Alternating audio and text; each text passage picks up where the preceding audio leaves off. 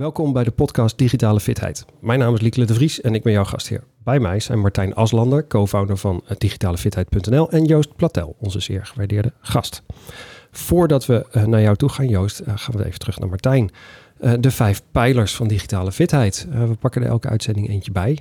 Ehm, de eerste pijler hebben we die eigenlijk al behoorlijk die hebben we nog niet helemaal uitgediept in deze serie, maar we gaan vandaag toch voor de vijf. We ontkomen niet aan, omdat de gast van vandaag, Joost Platel, direct de veroorzaker is van het bestaan van de vijfde pijler van digitale fitheid. Vertel me, wat is de vijfde pijler van digitale fitheid? De vijfde pijler van digitale fitheid is technologie gebruiken voor je eigen ontwikkeling en groei. En de inzichten die, uh, die ik heb vergaard om tot die vijfde pijler te komen, die zijn rechtstreeks begonnen met mijn uh, uh, ontmoeting met Joost Platel en wat daaruit voortkwam. En dat, we hebben het over ongeveer 2009, 2010. de Quantified Self-beweging. Dus wij waren al met stappentellers bezig voordat iemand überhaupt bedacht dat Apple daar misschien ooit mee aan de bak zou gaan. En daar hebben we een hele hoop in, in, in, in, in meegemaakt. en het is echt een, een hele leuke in mijn hoofd heet die de, de, de One More Thing van digitale fitheid. Die eerste vier pijlers zijn belangrijk voor elke organisatie. Ook voor jou als individu. En die vijfde pijler is de One More Thing. Als je, als je de eerste vier rapporten hebt, is die vijfde pijler superhandig. En uh, vandaar. Technologie gebruiken voor je eigen ontwikkeling en groei. Hartstikke goed. Joost, zoveel mensen, zoveel manieren om om te gaan met kennis en informatie. Um, daarom hebben we allerlei verschillende gasten in deze podcast om dan telkens weer een ander perspectief te krijgen. Zeker. Um, jij bent een datastrateeg. Je helpt organisaties om uitdagingen rondom datagebruik uh, nou ja, te snappen en op te lossen. Je bent ontzettend goed in het aan elkaar koppelen en sommigen zouden zeggen het knutselen van allerlei uh, uh, datasets en visualisaties. er staat hier een apparaat op tafel wat je meegenomen hebt. Daar ga je misschien ook nog wat over vertellen. Wellicht, ja. Um, data gebruiken voor je eigen ontwikkeling. Uh, ga eens even terug naar die eerste periode van de Quantified zelf. Wat, uh, wat trok je daarin aan? Uh, ga ik nog een stapje verder voor mezelf eerst. Ja. Dat is misschien wel mooi. Ehm, ik heb ooit scheikunde gestudeerd. En wat je als scheikundige doet is natuurlijk experimenten. Um, en als je een experiment doet, dan moet je dat gedegen opzetten, omdat het anders vrij weinig op kan leveren. Dat is jammer. Um, en al die experimenteerdrang eigenlijk, die, die is daar een beetje voor een soort van uit ontstaan. Dus ik vroeg mezelf af, ja, ik doe al die experimenten in een, uh, nou, toen de tijd nog in een klaslokaal. Uh, en uh, ik dacht, ja, waarom, hoe komt het dat we eigenlijk onszelf niet als onderzoeksobject nemen en uh, daarmee experimenteren om daar nou ja, dingen van te leren? Want natuurlijk is in je eentje met nou ja, een N is één, onderzoeksgrootte van één. Uh, daarop onderzoek doen is, uh, is lastig. En, uh, maar het fascineerde me eigenlijk wel. En ik kwam er dus achter dat er in Amerika de Quantified Self Community, of beweging eigenlijk toen de tijd net gestart was. Um, en dat fascineerde mij mateloos. Want die, die logden van alles, van ja, fysieke ja, de, welbevinden. De, de community die, die richt zich eigenlijk voornamelijk op, op ja, de zelfontwikkeling met behulp van technologie. En in de breedste zin van het woord. Dus een pen en papier reken ik ook onder technologie. Um, en uh, zij stelde eigenlijk uh, drie belangrijke vragen. What did you do? How did you do it? Do it? And what did you learn? En die drie zijn eigenlijk soort van de basis die je nodig hebt om heel bazaal voor jezelf een experiment op te zetten en dat vervolgens ook te delen met anderen. Want dat, daar was die community bij uitstek, denk ik, ook heel erg mee bezig. Is alles wat je voor jezelf bedenkt als experiment om te doen, dat is super interessant. Maar we zijn met veel meer mensen. En het is veel leuker om, om die denkwijze en de manier van onderzoek zeg maar, te doen. Uh, en dat te delen met allemaal mensen. Want ja, er zijn zomaar uh, mensen die ook nieuwsgierig zijn. wat de invloed is van hardlopen op je rusthartslag, et cetera, et cetera. Je kan hier alle kanten mee op. Dit is er eentje. Um, en ja, die hele community die fascineerde me dus. En op een gegeven moment, ja, was de allereerste Quantified Self-conferentie, uh, werd die georganiseerd. En ik wou er graag heen. En uh, nou ja, ik studeerde dus nog, dus ik was een hele arme student. En uh, gelukkig vond ik Martijn bereid. en ook, nee, gelukkig ook een hele hoop andere mensen die allemaal een eigen steentje hebben bijgedragen. Um, om nou ja, naar Amerika te kunnen, naar die allereerste conferentie, samen met Martijn. En daar hebben we aardig huis gehouden. Daar kan Martijn ook fantastisch over vertellen. Uh, en uh, ja, daar werden we eigenlijk met open armen ontvangen als vrijwilligers. Uh, want er waren alleen nog maar kaartjes beschikbaar voor vrijwilligers. Maar wij wilden allebei zo graag dat, dat we dat maar gedaan hadden. En uiteindelijk nou ja, hebben we ook heel veel gevrijwilligd en daarmee voldoende goodwill naar binnen gehaald om ook Quantified Self uh, naar Europa te brengen. En dat is denk ik wel een fantastische zet geweest. Want dat is, dit is hoe lang geleden nu? Ik denk 2010. 2010, dus ja, dik, dik tien jaar geleden. En waar staat Quantified Self in Nederland nu? Nou ja, we hebben al vrij snel na die eerste bijeenkomst zijn we Quantified Self Europa gaan opzetten. dus daarmee werd de, de beweging nog wereldwijder, zeg maar. En daaruit is vrij snel het Quantified Self Instituut ontstaan van Hans Hogeschool Groningen. Uh, dat echt behoorlijk uh, een belangrijke rol heeft gespeeld in, zeg maar, in het uitdokteren van hey, hoe, hoe kan nou al die andere maatschappelijke velden gaan, uh, gaan, gaan dienen, dat Quantified Self. Ja. En daar is echt wel heel veel uit, uit voortgekomen. Dus Nederland is, is, ik denk, een, een, van de grote hubs wereldwijd geworden van Quantified Self en het denken daarover. En, ja. en Martijn de Groot, die de eerste directeur was van het QS-instituut, is de opvolger van Lucien Engel geworden bij, bij, bij Reshape van het Radboud ziekenhuis. Dus, ja, ja, ik denk ook om je vraag te beantwoorden, hoe is het nu?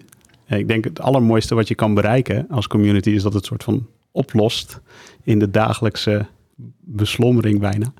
Uh, dus dat het, ja, als je tien jaar geleden met een stappenteller of een hartslagmeter rondliep, werd je raar aangekeken. En nu is het de normaalste zaak van de wereld. Of, of, of, je ziek was dan. Ja, ja, ja. dan had het een oorzaak nodig. En nu word je bijna raar aangekeken als je niet je, je uh, fietsrondje bijhoudt met Strava.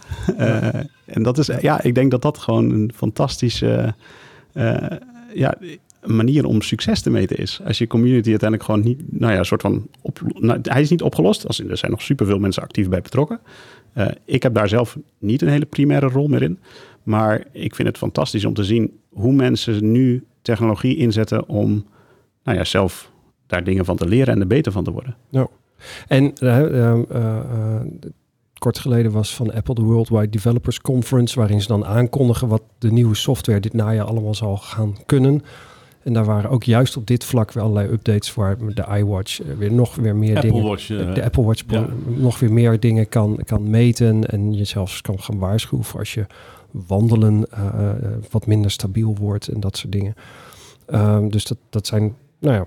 Ja, die ontwikkelingen bewijzen, gaan gewoon door. Bewijzen dat, dat Quantified zelf ja. inderdaad niet zomaar een raar idee was. Nee, zeker hey, niet. Um, ik wil wel even terug naar jou als persoon. Um, ik heb uh, tien vragen voor jou uh, waarop ik het kortst mogelijke antwoord zou willen. Met dank aan Bernard Pivot, een Franse talkshow host die deze lijst ooit een keer bedacht heeft. Vet.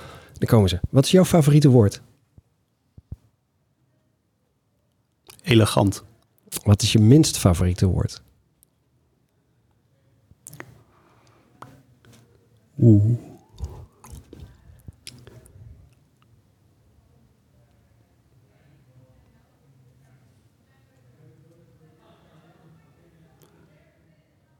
Tegenovergestelde van vrijheid? Wat is dat?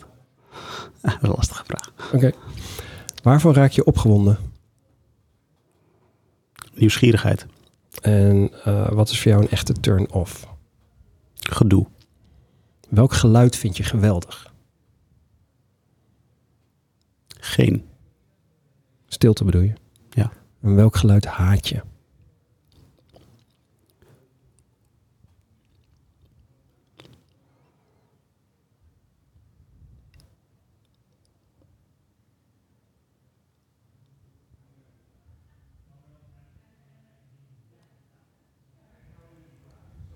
Hmm.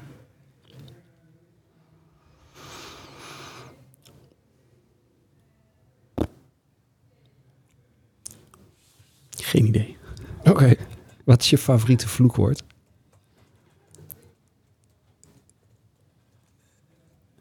Op dit moment Jantje. Zonder uh, wat je daar vooraf zou kunnen zeggen? Ja. Ja, oké. Okay. Jantje. Welk ander beroep dan je eigen beroep zou je wel eens willen uitproberen? Allemaal. Is er geen één beroep wat je nooit zou willen hebben? Nou ja, vast wel. Maar in heel veel zou ik wel willen uitproberen. En ik heb niet dat ik denk een rangorde. En, uh, maar ik zou wel echt, ja, ik heb een hele brede interesse. Dus ik zou een heleboel dingen wel uh, willen doen een keer. En wat hoop, hoop je dat men later over je zegt wanneer je eenmaal niet meer op deze planeet bent? Wat heeft die jongen een hoop mooie foto's gemaakt om zes over half negen s'avonds. Zes over half negen s'avonds. 20 uur 36. Ja, 20 uur 36. Jij maakt elke dag om 20 uur 36 Ja, een foto. ja, ook eh, deels opgelopen door de Quantified Zelfbeweging. Daar was iemand, Buster Benson heet die man. En eh, die besloot om eh, elke dag om zes over half negen een foto te maken. En dat leek mij ook een goed idee. Daar ben ik meer dan tien jaar geleden mee begonnen. En eh, daar heb ik ook nog tot dusver geen spijt van gehad. Het lukt niet elke dag, maar dat hoeft ook niet. Ja. Maar wel heel veel foto's inmiddels. En ik ben blij dat ik ze heb. Ja, mooi. Ik kan me inderdaad voorstellen dat dan, als je dat zo lang weet vol te houden, dat er Ja. allerlei manieren zijn waarop je kan genieten van zo'n reeks dan. Ja, ik, als ik ze terugkijk, dan eh, sta ik waarschijnlijk met tranen in mijn ogen. Ja, Ja, toch wel. ja. Hey, eh, voor de context van, van deze podcast, eh, het gaat over digitale fitheid. Ja. Hoe vind jij jezelf digitaal fit? Ja. Ja. Ja, best Ja, wel. En best waarom dan? Nou, ik, ehm, ik werk niet met een botte zaag. Wat de meeste mensen wel doen. Als ze die gebruiken een computer voornamelijk waar die goed in is. Of niet goed in is. Typen. In pla- die hebben dus werk van de computer. Ik laat dat ding liever voor mij werken. Kun je een voorbeeld geven? Ja. Eh, er zijn mensen die moeten een hoop copy-pasten. Dat doe ik ook. Maar een eh, clipboard manager die jouw geschiedenis bijhoudt wat je allemaal hebt gekopieerd is wel prettig. Voornamelijk als je eerst drie dingen tegelijkertijd kan kopiëren achter elkaar en dan alle drie achter elkaar kan plakken. Dat heeft wel zijn nut. Oké, ja, dat is een mooi praktisch voorbeeld. Er zijn luisteraars die nu zich afvragen, eh, maar waar doet hij dat dan mee? Ja, dat is een hele goede vraag. Heb je daar een script voor gemaakt of is dat, eh, is In- dat iets wat je kan Het is, downloaden? een, het is een combinatie. Dus een, een clipboard manager, dat is stap 1. Daar begint het mee. Dat is sowieso aan te raden. Ik gebruik daar zelf eh, Alfred voor, voor Mhm. op de Mac. Eh, dat is een fantastische app, die doet nog veel meer. Maar de clipboard manager vind ik prima en goed genoeg.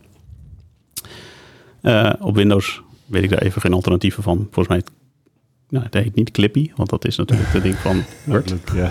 De assistent Maar, van eh, Microsoft, ja. Ja, was die maar een assistent. ja. Eh, als we die, ik denk dat we, als we die trouwens nu zouden maken, dat die echt wel een slag beter zou kunnen zijn. Maar we durven het niet meer. Nee, nee, ik denk niet dat Microsoft dat ooit nog een keer aanraakt. Jammer. Ja? Ja, ik denk dat daar echt nog wel een slag te behalen valt. Als die goed, als, maar het valt en staat natuurlijk met de uitvoeringen. Eh, maar ik denk dat daar echt nog Clippy wel... heeft bad karma. Ja, Goed, een, ja, een, een clipboard manager is een programma op je computer waar, waar je dus meer dan één ding ja. in kunt. Dus, dus in mijn geval, eh, als ik iets kopieer, dan eh, zet ik dat in mijn clipboard manager. Dan kan ik direct vanuit daar weer plakken. Eh, maar ik kan ook mijn clipboard manager openen. En dan kan ik daar doorheen zoeken. Dat is al fijn. Dus je kan dan door je tekst zoeken en dan zoek je wat je allemaal een keer gekopieerd hebt. Dat gebruik ik heel vaak. Ehm, en hij onthoudt dus ook, nou in mijn geval, 100 dingen. Dus ik kan 100 keer terug in mijn geschiedenis met wat ik allemaal gekopieerd heb. Ehm, dus met een paar eh pijltjes naar beneden ben ik op het juiste. En dan ram ik op enter en dan plakt hij het voor mij het juiste erin. Dat vind ik fantastisch. Als je dan dat zeg maar zo wil, zoals ik net in het voorbeeld uitlegde, heb ik er een scriptje van gemaakt die eventjes alle drie zeg maar achter elkaar eh, plakt. Ja. Je kunt het script aanpassen naar vijf of Als je- tien. Of, ja, ja, maar je hebt drie, zeg Ja. maar. Oké. Mooi. Hey, eh, hoe denk je dat het gesteld is met jouw informatieliquiditeit? Heel hoog. Heel hoog. Ik vind het wel grappig dat de laatste drie mensen die we deze vraag stellen, die vragen niet wat de definitie is hè, van informatieliquiditeit. Die geven gewoon een antwoord. Die geven wel ja, antwoord. Ja. Ja. Het is ook een logisch woord. Ja, de scheikundige hè, van aard. Dus als je Ja. zegt liquiditeit, dan denk ik aan eh, Fluiditeit. fluiditeit. Vloeien. Ja. Ja. Hoog. Dus, eh, Eh, hoog. Veel van wat jij verwerkt komt ook weer terecht bij anderen die dat goed kunnen gebruiken. Absoluut. Oké. Ehm, nou, daar gaan we natuurlijk nog wel wat meer op doorvragen. Want dat is een van de dingen waar deze podcast over gaat. Ehm, eh, ehm, maar eerst wil ik wel nog eventjes weten, gewoon heel plat. Welk apparaat gebruik je het meest? Ik denk mijn telefoon alsnog. Meer dan mijn laptop. Maar dat weet ik niet 100% zeker. Wat Zijn- heel grappig is, gezien wat jij allemaal loopt te quantifyen. Ja, maar dat interesseert me eigenlijk niet. Want het zijn allebei handige... Het zijn Ja, ja. allebei computers. Ja, ja. Eh, de- eh, ja. Ja, ja, het- ja, Ja. ja, snap ik. Ja. En, en welke app gebruik je, of welke apps gebruik je dan het meest? Op mijn Mac of op mijn telefoon? Op, Op telefoon. telefoon? Dan moet ik even kijken. Ik gebruik het meest. Ehm, Dat, dat, dat doe je nu door te kijken naar je homescreen? Of? nou, mijn homescreen heeft maar vier icoontjes. Oké, Dat is de telefoon, WhatsApp, Eh, dan heb je een groene, groene die een shortcut is naar mijn inbox van Obsidian. Dat ik voor notities gebruik en mijn camera. Maar dat zijn ongeveer wel mijn vier meeste apps. Heb je daar een truc voor om, uh, om ervoor te zorgen dat je maar vier icoontjes op die plek hebt? Want je hebt uh, erboven een ding geplakt of zo. Ik zie jij voor de luisteraars. Uh, ja, ja, bij mij blijft het eerste scherm leeg. Ik weet ook niet hoe.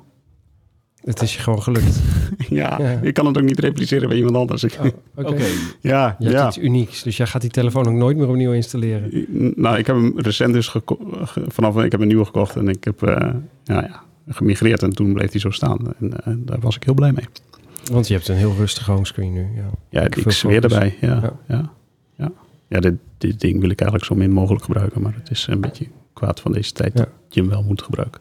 Welke, welke app heb je het afgelopen jaar voor het eerst gebruikt en wil je niet meer missen? Ja, dat is Obsidian. Omdat die een sinds kort een mobiele app hebben die ik uh, heel veel gebruik. vertel, wat doet Obsidian voor jou?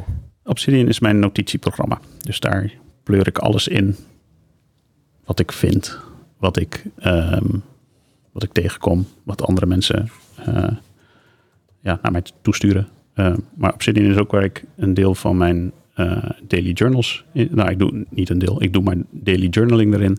Um, en ik produceer daarin ook een hoop. Dus ik schrijf steeds, steeds meer. En dat is deels doordat ik Obsidian gebruik. Grappig genoeg. En hoe heet de app in de App Store? Ik zit even te kijken. Hij staat nog niet in de App Store. Ah, zoek het tot je weet. Ja. ja, je moet... Uh, je beta moet, zo, ja. Hij is op dit moment in beta nog. En, maar de, op, je, op de Mac en Windows werkt hij al wel, Obsidian. En hij komt dus naar mobiel. En ik ben een beta-tester omdat ik voor de software betaal. Ja. Wat ik met alle liefde doe.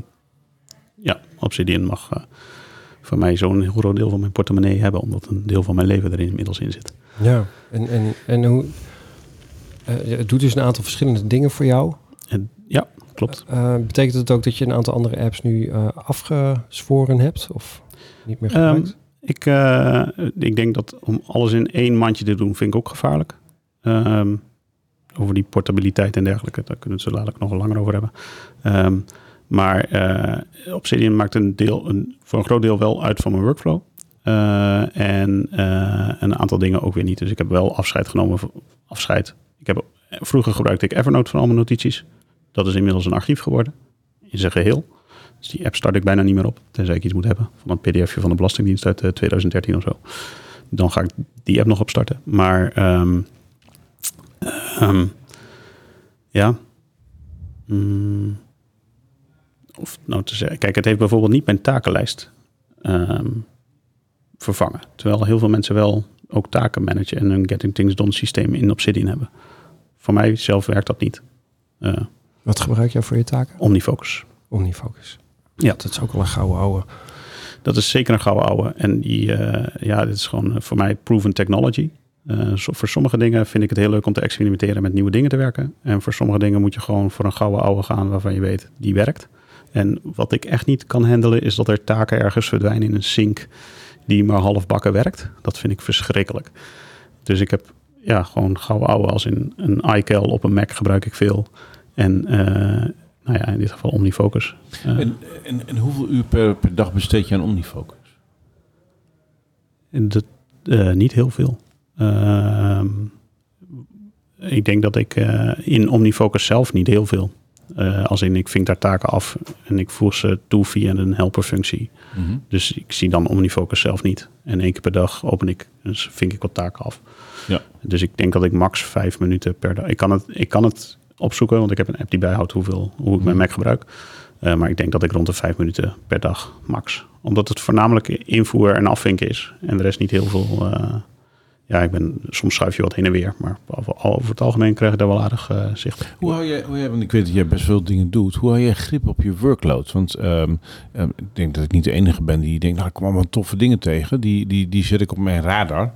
Mm. Alleen ja, wanneer verandert van het staat op de radar tot het komt ergens in een systeem omdat ik er eventueel wat mee wil? Want hoe, hoe zit dat bij jou? Dus heb je het over workload als in dingen die ik zelf moet okay, doen? Nee je, nee, je komt allemaal dingen tegen onderweg en je denkt, oh, dat ga ik bewaren en daar wil ik misschien wat mee. Dan oh. moet je op enig moment gaan, gaan processen. Ja. En, en als ik jou zo beluister, komt het dan waarschijnlijk in OmniFocus terecht? Nee. Ah. Nee, nou ja, kijk, het is zo, als ik een taak moet doen, dan komt het in OmniFocus terecht. Als het iets is wat ik Nee, ik, Laat- heb- ik heb het over het proces voordat het een taak voor jou wordt. Ik, volgens mij ging ik dat net uitleggen. Maak je verhaal Ja. af. Eh, nou, voordat het voor mij een taak wordt, dus kan het overal staan. Dat maakt me in principe niet zo heel veel uit. Het gaat er gewoon om dat als het uiteindelijk bij mij terechtkomt als zijnde dat het een taak moet worden, dan moet het in OmniFocus belanden. Ehm, waar het dan daarvoor staat, maakt voor mij niet heel veel uit.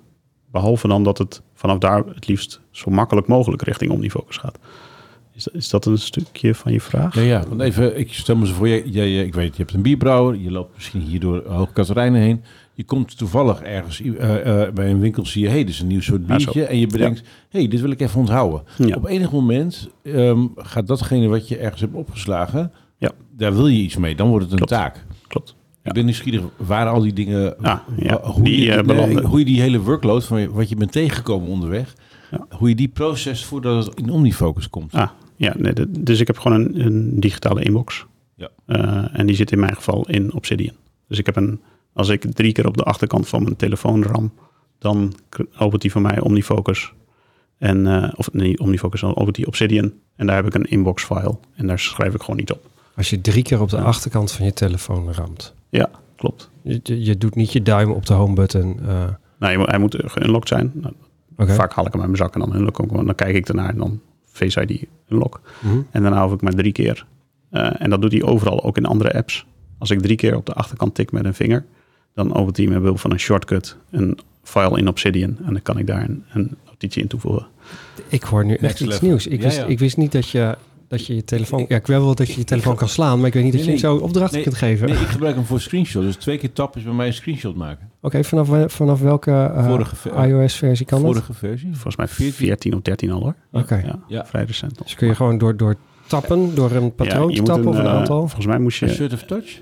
Ja, volgens mij moest je het via Assistive Touch inderdaad. Of Assistive Functions. Je hebt een, zeg maar, een heel Toegankelijkheidsfunctie. toeg- toegankelijkheidsfuncties inderdaad in je iPhone zitten. En dan kan je dat allemaal dingen Aha, dus als je voor jezelf denkt, mij mankeert niks, ik ben niet slechtziend, ik ben niet slechthorend, dan kom je daar misschien ook wel helemaal niet. Ja, maar zo, daar hebben we toch die hele computer die en, en alle computers stikken daarvan, van die niveaus, die, waarvan je denkt, ja, ik moet daar niks. Dus Ja. ik ga er ook niet kijken. Ja. Ja. natuurlijk moet je daar wel kijken. je moet toch ontdekken wat er allemaal te doen valt. Precies. Je moet er achter elk hoekje kijken wat er kan. Dat is, dat, dat is ook heel erg jouw ding volgens mij, hè? Gewoon Ja, nieuwsgierig zeker. zijn. Ja, Ja, ja, absoluut. ja, absoluut. Hij zit hier ook met een hele dikke grijns. Dat kun je dan op de podcast weer net niet zien, maar je kunt het misschien wel horen. Ehm, eh, eh, ehm, als je bezig bent als datastrateeg, Ja, eh, ehm, dan, dan kom je natuurlijk allerlei mensen tegen die zeggen... Ja, we willen dit, we willen dat kunnen combineren, eh, maar we weten niet hoe. Dus dat is een hele praktische. Ehm, maar eh, ik denk dat, dat ze soms ook vragen van... eh, ik wil iets kunnen en ik heb eigenlijk geen idee waar ik het vandaan moet halen. Ehm, of ik heb wel data, maar het is een rommeltje. Wat komt het meeste voor op dit moment bij organisaties? ja allebei wel. Ja, soms het een meer dan het ander. Dus niet... eh, ja, hangt er ook heel erg vanaf met wat voor soort data je aan de, aan de bak bent. Of dat gezondheidsdata is, of eh, ERP-systemen, of eh, ja, you name it. Dat komt allemaal voorbij. En de, de ene zit, ja, het is soms heel erg dat het wel vanuit een structuur komt. Soms zit het gewoon in een Excel-sheet. En dan is het gewoon, ja, dan zeg ik, het is niet leuk om dit te horen, maar copy-paste is wel het snelst. Dat is soms ook het geval. Eh, want soms loont het gewoon niet om, om een automatisering te bouwen als je daar vrolijk drie uur mee bezig bent, terwijl je ook het in twee uur kan copy-pasten. Ja. Ja, Ja, dat klinkt inderdaad een teleurstellend antwoord. ja, ja voor maar, zo eh, is het, nee, maar zo, is het, zo is het vaak wel. Eh, en, en heel vaak denken we eh, uit een soort van luiheid. En dat, dat is denk ik soms heel lonend. Maar ik heb de laatste tijd wel gemerkt dat het soms ook loont om een stapje terug te doen en te bedenken. Nou ja, oké, als ik een als ik gewoon copy-paste, is, kost het maar twee uur. In plaats van dat ik nu een slimme oplossing ga bedenken. Daar word ik zelf helaas ook de laatste paar keren mee geconfronteerd. Ja. Maar eh, het gebeurt. Eh, Want als je het binnen de context van digitale fitheid bekijkt, wat, wat, ehm, wat kunnen organisaties dan doen om eh, hun medewerkers beter te ondersteunen? Eh, de muis. oh ja, de muis. Ja, ja, de muis. Ja, is echt een fonds van... Echt, dit is een fonds. Ja, ik- ik stond, bij de ABN AMRO heb ik je dat voor het eerst horen vertellen. Ja, maar ik zit me eigenlijk af te vragen of die echt wel van mij komt. Kan- hij kan ook van Herman Kopinga zijn. Dus dan moet ik er er wel eerlijk bij zeggen. Ehm, maar ehm, de, hij ging als volgt. De muis is eigenlijk een rat. Eh, want als zodra je hem gebruikt, dan kost hij eigenlijk tijd. Eh, en er zijn nog tig varianten hiervan. Eh, Mhm. Maar eh, iedereen die met een muis werkt, die, eh, nou ja, er gaat iets mis. Want je hebt dan oog-handcoördinatie nodig aan de ene kant. Dus om de muis te bedienen. Waar ligt die? En dan heb je hem nog een keer nodig, want dan, begint die, dan heb je de muis vast, dan begin je te bewegen.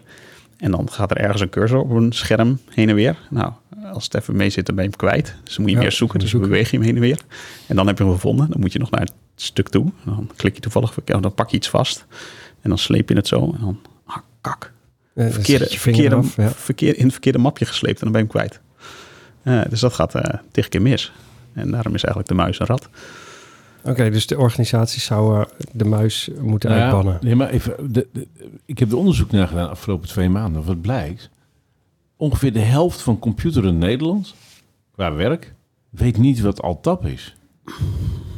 Een Altap, dat is de toetscombinatie waarmee je tussen je verschillende twee programma's schermen. eh, Eh, ja, en aangezien we het net over copy-paste doorgaans, doe je copy-paste omdat je van het ene programma iets in een ander programma wil hebben.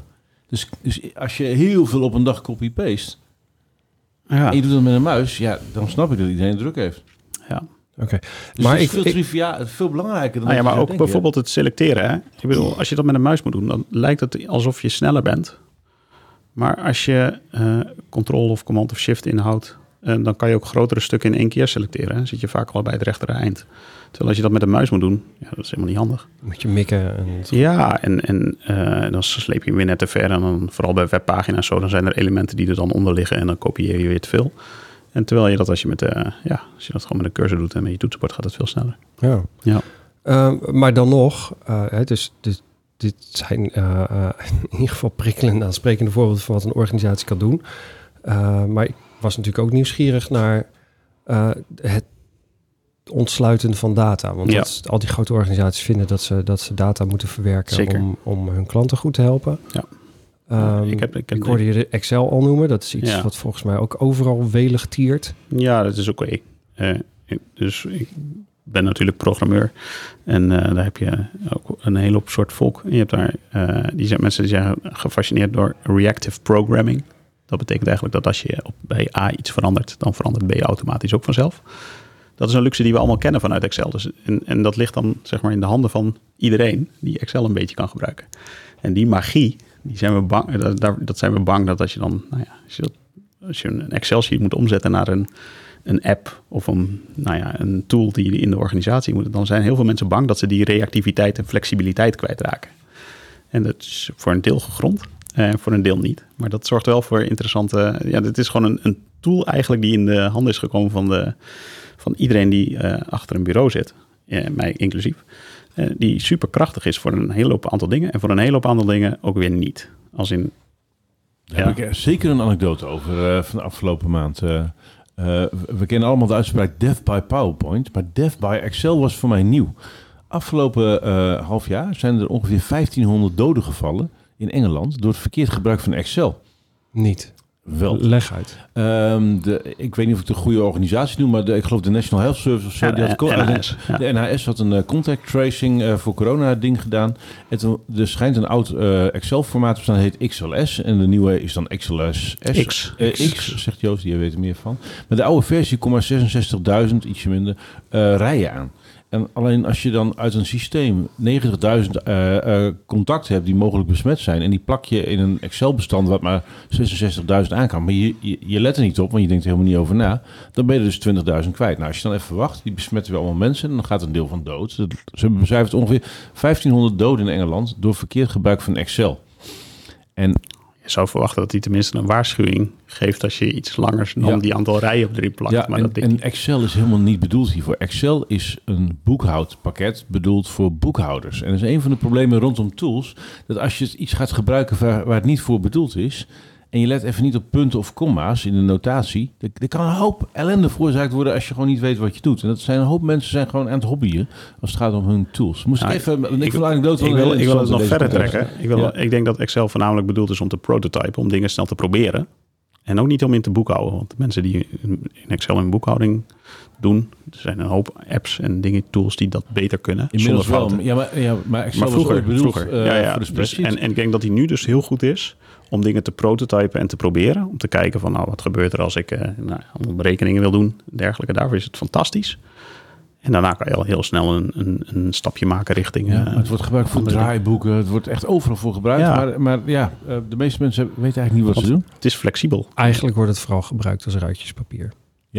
Dus um, Kan, sta, nou ja, Toch? Het zou wel Ja, tof je zijn als je dan dus- een kantoor, eh, kantoortje kunnen, of uh, je kamertje vuren zou kunnen. Ja. En al een tijdje, even, even, de moderne mens zit eigenlijk op een jaren 70 kantooromgeving situatie te werken. Want we hebben gewoon staande en liggende A4'tjes, doc, pdf, XLS en ppt. Ja, dat, die vinden allemaal hun oorsprong in de jaren 70 kantooromgeving. In fysieke Ja, er was, er was ooit een hele mooie animatie van zo'n zo'n bureau. Ja, we hebben hem. Ja. Wat, dan, wat dan vol ligt met allemaal, allemaal spul. En dan langzaamaan verdwijnt dat zo allemaal het scherm in. En dan ligt er een laptop. En het blijft nog steeds één scherm. Wat trouwens ook heel raar is. Maar uh, Ja? Ja, werk, je, werk jij niet met één scherm? nee, meer schermen. Meer schermen? Meer schermen, Hoe, hoe ja. heb je het verdeeld over schermen? Dus ik, uh, kijk, uh, nou, dit is wel grappig. Ik werk, als ik alleen op mijn laptop werk met één scherm. Specifiek een window uh, niet gemaximaliseerd. Want in Apple dan krijg je verschillende spaces waar je tussen wisselt. Dat werkt niet. Die animatie daartussen duurt te lang. Daar krijg ik jeuk van. Um, maar dus gemaximaliseerd. Dan, want dan kan ik precies alles zien. En dan word ik nergens door gestoord. Um, en als ik op mijn kantoor zit, dan uh, werk ik met een groot scherm ernaast. En uh, ik zou heel graag als ik nog een groter bureau heb met minder rommel erop, uh, nog een verticaal scherm erbij hebben. Omdat voor een programmeur dat handig is. Ja. En dan zou je alles over drie schermen verdelen. Ja, met sneltoetsen. Want dat moet, je moet niet met een muis dan nee, vensters gaan slepen, want dat oh, werkt natuurlijk in niet. dat kader, uh, hoe kijk je naar een ontwikkeling als uh, de Stream Deck van Elgato? Dat is natuurlijk een, een stap voorbij. Ja, fantastisch. Ja, nee, super tof. Super tof. Ik bouw mijn eigen, maar zo ben ik.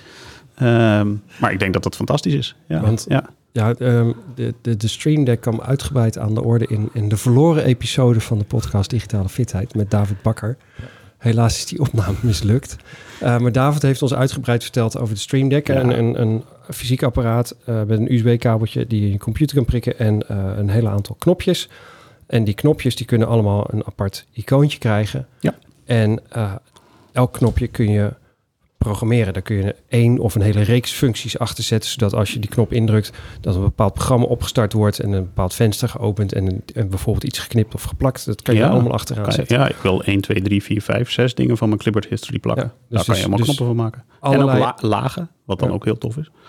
Dus, dus allerlei activiteiten die je regelmatig doet op je computer en regelmatig in herhaling doet, kun je dan uh, met Stream Deck automatiseren. Ja. Um, dus ik heb bijvoorbeeld, uh, ik werk voor allerlei verschillende klanten en ik kan met één druk op de knop wissel ik gewoon alle configuraties om. En uh, heb ik zo uh, alles draaiende voor klant X en dan weer voor klant Y. Geef even een voorbeeld van configuraties. Wat bedoel je dan? Dus met configuratie bedoel ik een aantal schermen die openstaan. en aangezien ik code schrijf is het fijn als de code editor dan een bepaalde map opent. En ik een terminal krijg om, met een aantal dingen al gestart. Dus programma's die dan op de achtergrond worden aangezet en klaargezet voor mij. En dan, uh, nou ja, dat is vijf seconden werk voor dat ding. En dan uh, met één druk op de knop. Dan moet ik niet tegen klikken. Wat, wat er nou allemaal... volgens mij bij heel veel luisteraars gebeurt, is dat ze oh ja, natuurlijk, hij is programmeur, daarom is het logisch. Ja. Ik ben helemaal geen ja. programmeur, ik ben uh, klantbegeleider. Ja. Dus ik heb dat niet nodig. Nou, als je klantbegeleider bent, bij uitstek heb je dat nodig. Want dan heb je toch allemaal klanten die je begeleidt. Dan wil je dat toch? Dan wil je, en dan, en dan maak wil je zo met één druk op de knop kunnen wisselen tussen elke klant. Als, als je chef belt, dan uh, ja, oh ja, ik heb nu klant X aan de lijn. Nou, dan gaan we nu naar X. En dan, en dan krijg je de, de, de, de, de database entry van die persoon in het ene scherm en de laatste communicatie en e-mailtjes in het andere scherm. Ja, zo, zou je dat zo zou je dat kunnen inrichten. automatiseren. En als je denkt, ik weet niet hoe dat moet. Uh, volgens mij kan iedereen googlen.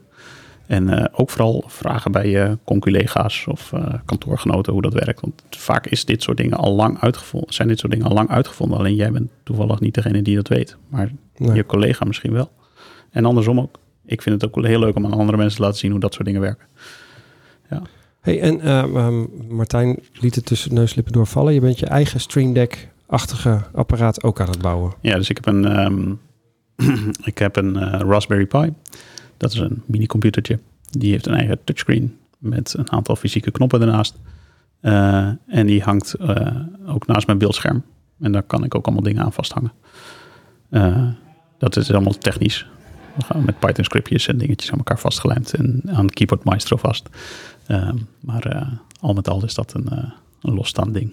Keyboard Maestro is vergelijkbaar met, met Alfred ook weer een, een app waarmee je allerlei dingen ja, die is alleen voor de Mac slim koppelt. Ja, is alleen voor de Mac, helaas. Ik zou ook willen dat die binnenkort ook voor, uh, ik weet niet of die ooit nog eens een keer voor Windows gaat uitkomen, zou heel tof zijn. Um, ja, is een fantastische tool waarmee je ook een hele hoop dingen kan automatiseren en aan elkaar kan knopen. En vooral ook, dat, dat maakt het stukje mogelijk om, in mijn geval, eh, ik kan heel goed Python programmeren, maar dat is niet per se een hele goede taal om bijvoorbeeld je Mac mee te automatiseren. Maar waar Keyboard Maestro bij uitstek geschikt in is, is bijvoorbeeld op knopjes klikken als jij maar het juiste label invoert. Ja, nou, volgens mij kan iedereen dat.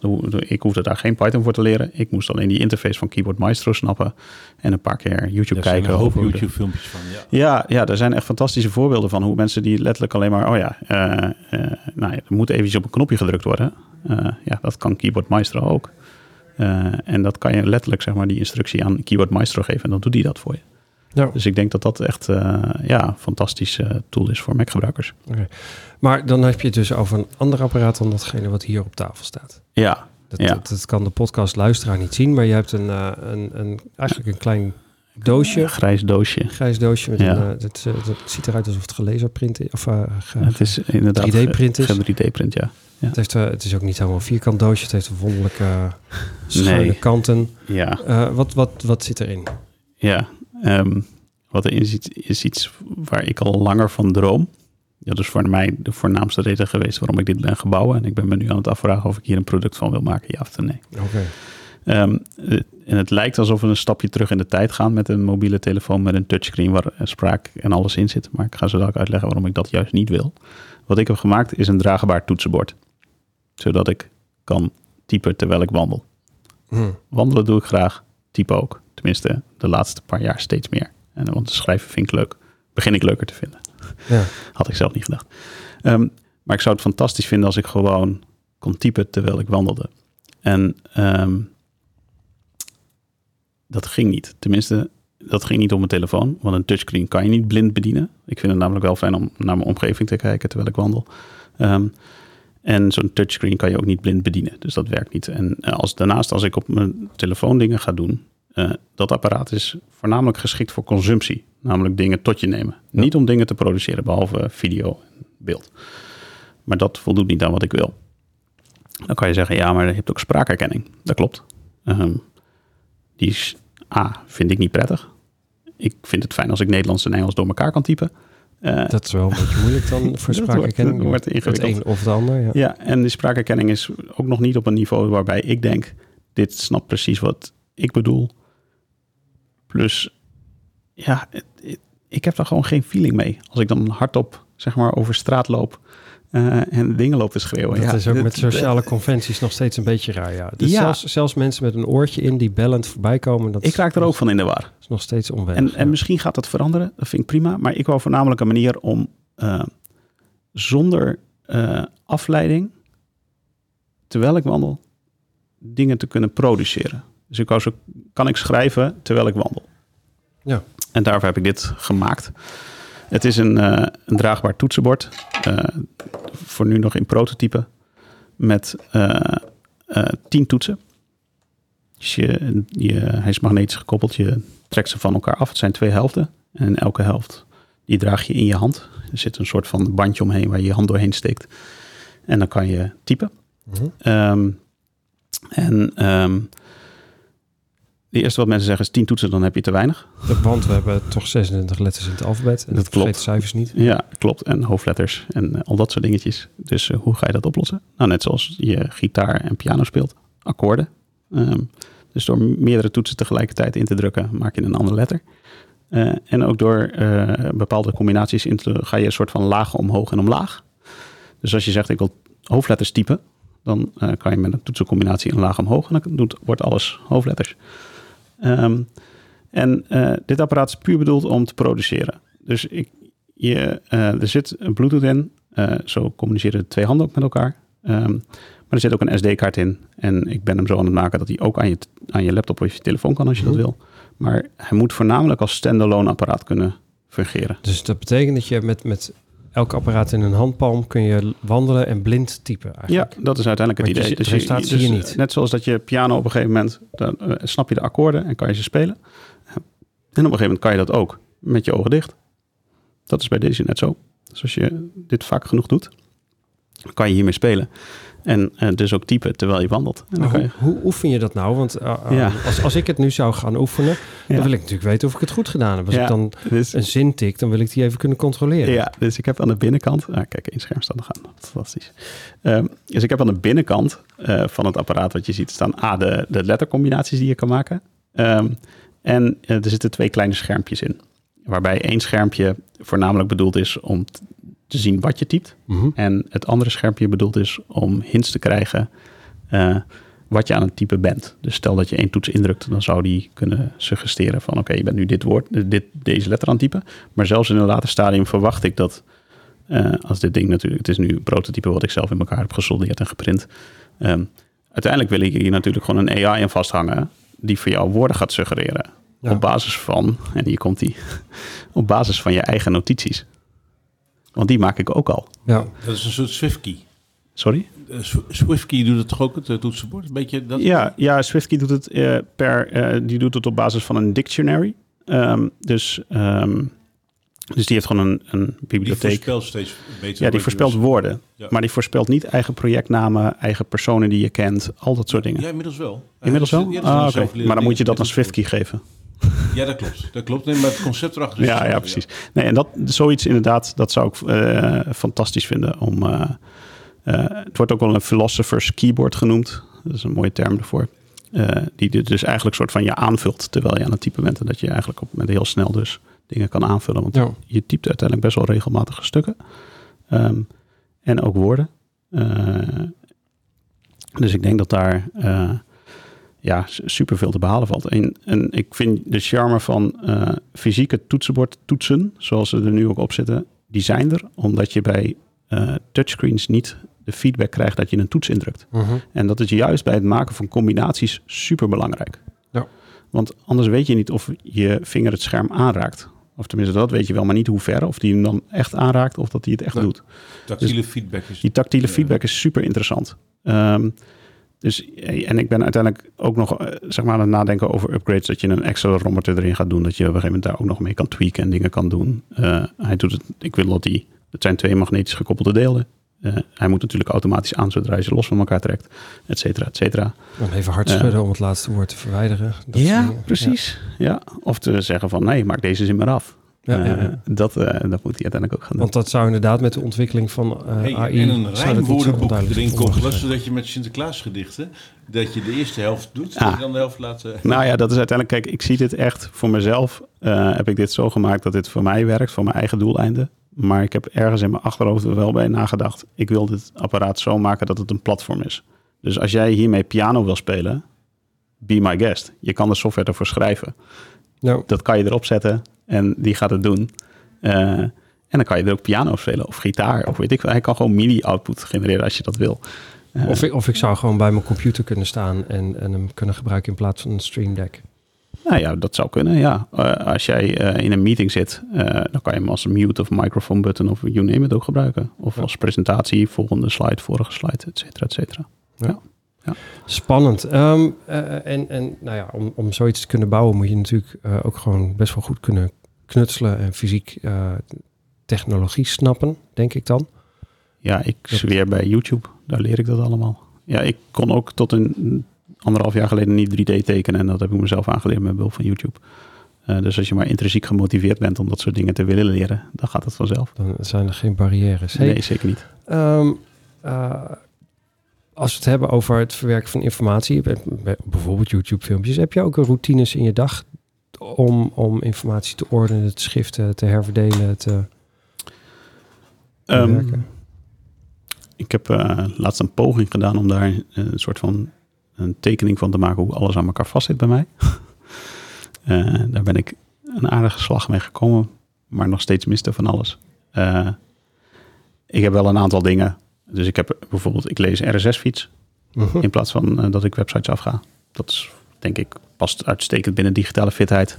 Eh, als je dat nog niet kent, dat is Really Simple Syndication. En dat is een techniek waarbij je je kan abonneren op websites. Ehm, en eh, dan, krijg, ik- dan komt het allemaal naar jou toe, in plaats van dat je naar de website toe moet. Dat vind ik fantastisch. Ik volg op die manier meer dan 400 websites. Dan doe ik wel kopsnellen. En als ik alles wat ik dan een sterretje geef, dat belandt weer in een ander lijstje. Eh, In dit geval in Pocket. En vanuit Pocket kan het dan weer met behulp van eh, custom tags die ik gebruik. Dus door met de juiste dingen te labelen. Als ik een to-do label, dan belandt die vanzelf in OmniFocus. Als ik hem eh, een andere label geef, dan gebeuren er weer andere dingen mee. Ehm, en op die manier koppel ik alles aan elkaar. Mhm. Eh, ja, eh, en ik heb zo mijn inboxes die ook op die manier aan elkaar vastzitten. Dus een inbox op mijn eh, telefoon, een inbox op mijn computer en een inbox thuis voor fysieke dingen. En dat zijn de drie punten waarop ik alles verzamel als het even kan. En, en eh, de inbox op je computer, is dat ook Obsidian? Of, eh, Voor een natuurlijk, dat, dat zei je ook. Dat begon Ja. op de computer juist. En Ja. het is nu ook op je telefoon ja, beschikbaar. ja, klopt, klopt. Ja, dus dat is ook Obsidian. Ja. En dat is voor jou een, dagelijkse routine om op die manier eh, de boel te verzamelen en te verwerken. Ja, en ik vind eh, Obsidian prettig omdat eh, het is gewoon platte tekst. En er is niks simpelers als gewoon tekst. Daar leef ik bijna in, zou ik zeggen, ook als programmeur. Ehm, maar ja, dat, dat, dat gaat gewoon heel erg goed. En, en er zijn nog steeds dingetjes dat ik... Nou ja, ik vind... ik hou ook van vette ruimteschepen. En mensen die daar kunstwerken voor maken.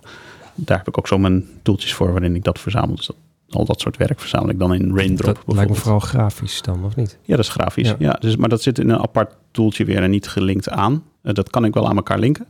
Eh, en dus eh, als ik daar de behoefte aan heb, dan zou dat kunnen. Maar Ja. het- voor mij zijn die stromen heel erg van elkaar. Dus video's bijvoorbeeld ook in aparte.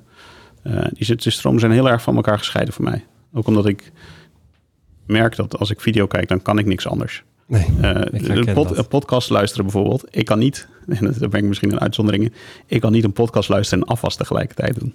Gaat niet. Nee, Dan heb ik gewoon kortsluiting. herken ik. ik mijn, mijn visuele input is zoveel sterker dat als ik iets luister en er gebeurt iets in mijn blikveld, dan ben ik weg. Ja. Dus ik kan Ja. het alleen op de Oh. fiets. Dat lukt me wel. Oh, dat zou ik zelfs niet eens kunnen, denk ik. Dan zou je crashen. Ja, ja dat gaat mij echt. eh, Ja. Maar, de, maar het is grappig dat jij dat... eh, Ja. Ja, ik herken het wel. Ik ben wel nieuwsgierig even eh, waar dan, eh, als je in Obsidian eh, text only, en tekst is natuurlijk super snel, waar dan eh, al het beeld blijft.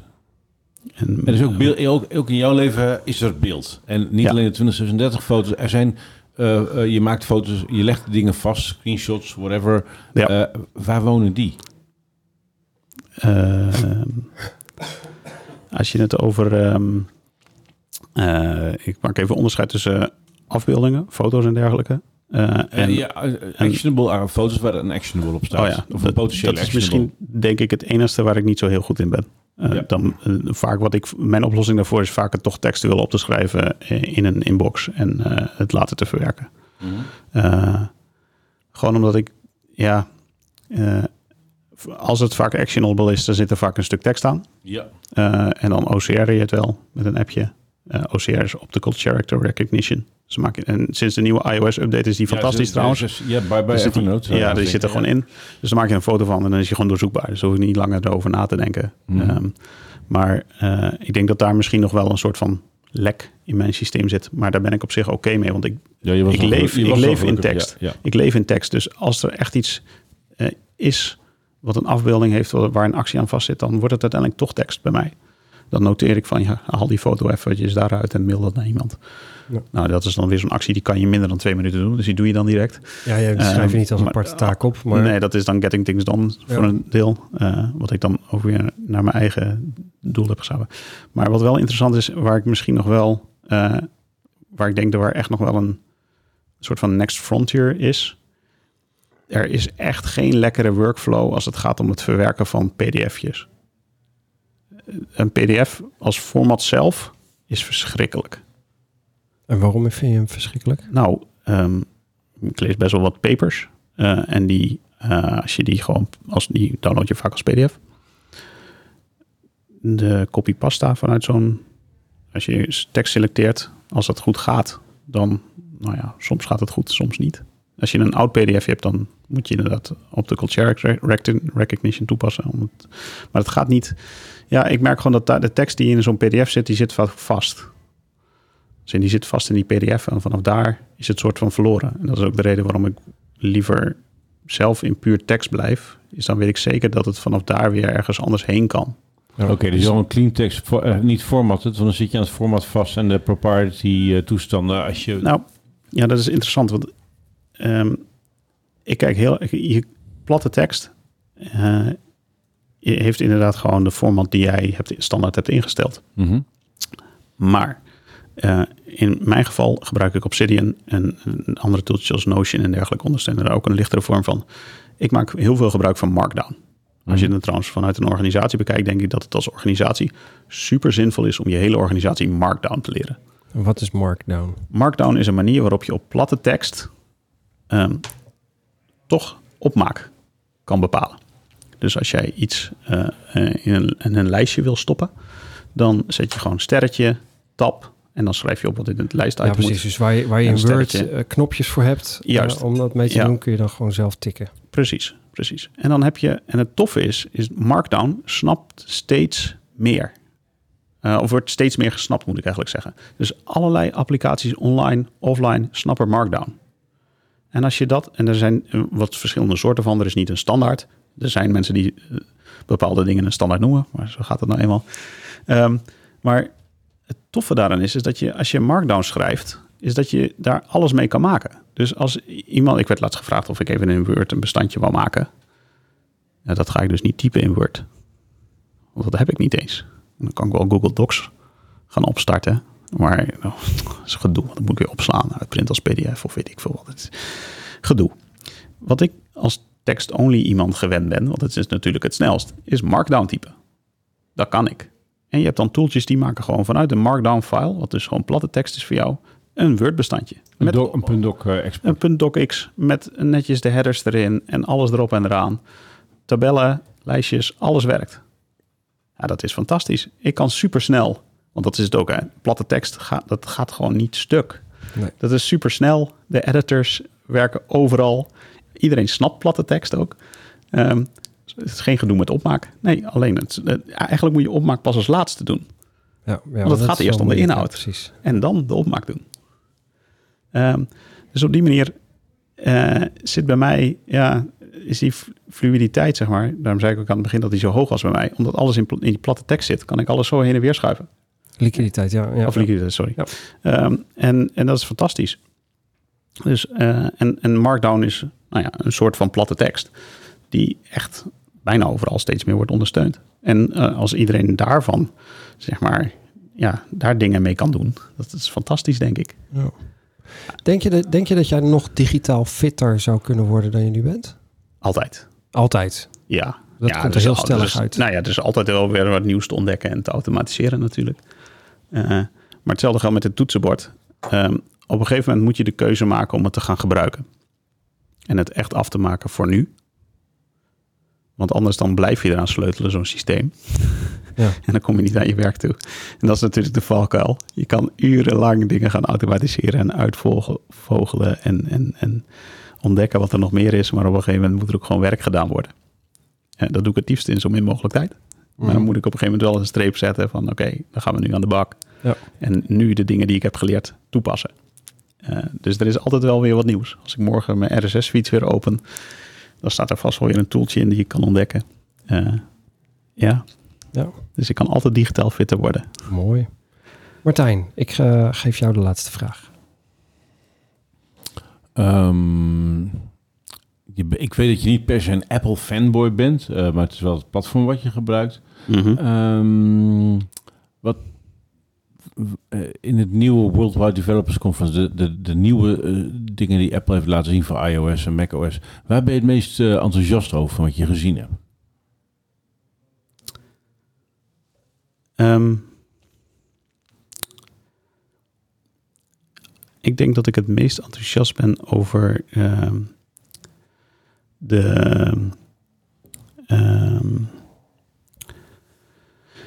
wat was het? Ik weet de exacte term niet eens meer. Wat maar het, eh, het, het specifieke stuk wat ging over de, ehm, de, de, de trackers, zeg maar. Van de long, dat gaat om een long range radio die energiezuinig is van de, Ultra wideband. de ultra, dat, dankjewel, ik was het even kwijt. Die ultra wideband, omdat dat een stap in een richting is die ervoor gaat zorgen dat er, eh, dat er een soort van lijm komt tussen de fysieke wereld en de digitale wereld. Omdat, eh, en dat, dat vind ik eh, super interessant, omdat digitaal heb ik het allemaal super netjes op orde. Als in, ze- ze- zeggen me dat ik iets moet zoeken en ik heb het waarschijnlijk in no time ergens zeg maar bij de hand. En, en dan bedoel ik over mijn gehele digitale archief. Dat is fantastisch. Maar als ik wil weten eh, welk boek ik aan welke vriend heb uitgeleend en eh, eh, waar wat van mijn kampeerspullen in welke kast ligt, dan is dat soms nog even zoeken. Ik ben, of je raakt wel eens wat kwijt. En ik denk ergens dat die twee, door die, dit soort technologie, worden die twee werelden op zo'n manier aan elkaar verlijmd, dat, dat, dat daar echt nog wel een, een super interessante. ehm, Dus je, je, tentstokken bij wijze van spreken zijn voorzien van een, een fysieke Nou, tag en die kun je dan misschien niet de tentstokken, maar wel dat je zegt van oké, ik leg nu mijn tentstokken in een bak en die bak houdt bij wat hij heeft. Eh, weet je, misschien dat ik dat één keer de handmatig koppel of, of ook mijn Of een Ja. la of een Nou, ik heb- kast. of Ik heb nu thuis eh, ehm, heb ik een eh, NFC-tag op een kist. Eh, en ehm, als ik wil weten wat er in die kist zit, hoef ik alleen maar mijn telefoon tegen, de, tegen die eh, eh, tag aan te houden. Dan komt er een, eh, een foto naar boven met wat er in die kist zit. Ja, ja. Ja, dat. En, en dat is niet eens de ultra wideband, maar wel dat ik denk van ja, daar zitten wel een soort van crossovers tussen die heel erg met elkaar te maken gaan hebben. Waarbij ik denk van ja, er zijn genoeg voorbeelden waarbij ehm, ik niet elke keer om de havenklap batterijen wil verwisselen om daar dingen bij te houden. En daar dit zit hem in de energiezuinigheid en de langduur ook, zeg Mhm. maar. Dus, eh, want ik vind het, ik word vooral moe van technologie waarbij ik heel veel moet nadenken. Eh, en die zijn er toch nog altijd weer te veel. Ehm, maar die heb je ook. Eh, dus ik, ik heb expres geen Apple Watch, omdat ik elke keer eraan moet nadenken dat ik hem weer aan de oplader leg. En ik wil dat ding niet in mijn slaapkamer hebben, maar ik vind het, ja, die laderen moeten gedoe. Dus ik heb een smartwatch die een maand lang meegaat. Gewoon pure batterij, dat vind ik goed genoeg. En, eh, en elke maand eraan denken, dat heb ik er wel voor over. Ja, en zo hebben we dat, denk ik, met. Dus, en daar zit denk ik mijn ding ook dat ik denk van ja, met die ultra wideband, die energiezuinigheid, daar, daar, daar worden interessante stappen gedaan door Apple, maar ook door andere partijen om te kijken van oké, hoe kunnen we ervoor zorgen dat die technologie in plaats van dat het je in de weg gaat zitten omdat je er elke keer over na moet denken, je echt het, zeg maar, het denkwerk uit de handen neemt. Eh, daar, daar is denk ik nog superveel te behalen en dat, dat ja, het worden interessante, interessante tijden, denk ik. Ja, super. Ja. We gingen van, eh, van, van eh, ehm, eh, technologie gebruiken voor je persoonlijke groei naar eh, datahuishouding, naar eh, devices bouwen, naar eh, toch de vaststelling ook dat tekst wel echt dominant is voor voorlopig. Ja, voor mij, hè. Dit Voor- is ook heel erg persoonlijk liquide- uiteindelijk. Voor liquide kennisuitwisseling en opbouw. Ehm, zullen we iemand bedanken? Ja, we gaan natuurlijk even Haagse Beek bedanken voor het mogelijk maken van deze podcastserie.